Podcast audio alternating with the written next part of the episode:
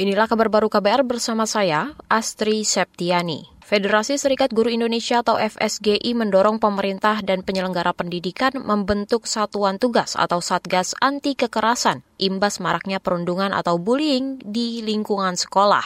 Ketua Dewan Pakar FSGI Retno Listiarti mengatakan, kasus perundungan perlu ditangani secara spesifik. Menurutnya, perundungan juga perlu dicegah untuk mengantisipasi adanya korban anak. Kalau kami FSGI mendorong untuk Permendikbud 82 tahun 2012 eh, 2015 tentang pencegahan dan penanggulangan tindak kekerasan di sekolah ya sekolah mengimplementasikan bikin satgas satuan hmm. eh, tugas anti kekerasan Nah, kalau udah satgas kebentuk harus ada SOP, SOP penanganan kasus ketika ada pelaporan. Lalu dugaan itu tidak hanya jangan ruangan, tapi pengaduannya bisa online. Sehingga si pengadu itu lebih berani dan leluasa untuk mengadu. Ketua Dewan Pakar Federasi Serikat Guru Indonesia atau FSGI Retno Listiarti menambahkan, saat ini banyak sekolah yang belum membentuk satgas dan kanal aduan sesuai Permendikbud nomor 82 2015. Ia juga mendorong sekolah menyediakan pendampingan psikolog untuk korban perundungan. Sebelumnya, Komisi Perlindungan Anak Indonesia atau KPAI merilis data di 2022. Terdapat lebih dari 226 kasus kekerasan fisik dan psikis termasuk perundungan yang jumlahnya terus meningkat hingga saat ini. Saudara kita beralih ke informasi lain.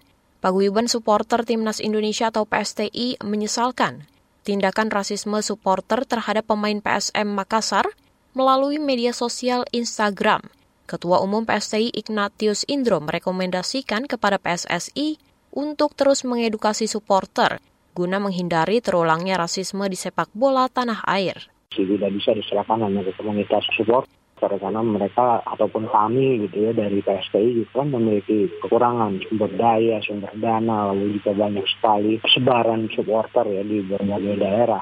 Kalau seluruh stakeholder bisa bekerja sama termasuk juga dengan perusahaan-perusahaan selama ini mengambil keuntungan dari uh, sepak bola harus bekerja sama juga edukasi ini bisa dijalankan hingga ke rumput sehingga tidak terjadi hal-hal yang mengkhawatirkan seperti saat ini. Ketua Umum Paguyuban Supporter Timnas Indonesia atau PSTI Ignatius Indro menambahkan, saat ini banyak supporter yang tidak belajar dan kurang mengerti arti dari olahraga sepak bola tersebut.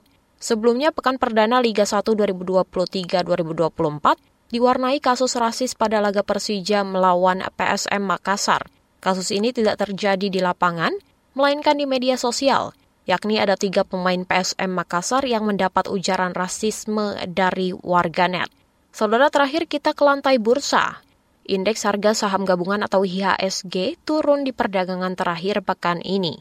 IHSG melemah 0,6 persen atau 40 poin ke 6.716 hingga akhir perdagangan di Bursa Efek Indonesia atau BEI sore tadi. 9 dari 11 indeks sektoral menekankan IHSG ke zona merah. Sementara itu nasib rupiah berbanding lurus dengan IHSG. Di pasar spot, nilai tukar rupiah melemah di hadapan dolar Amerika.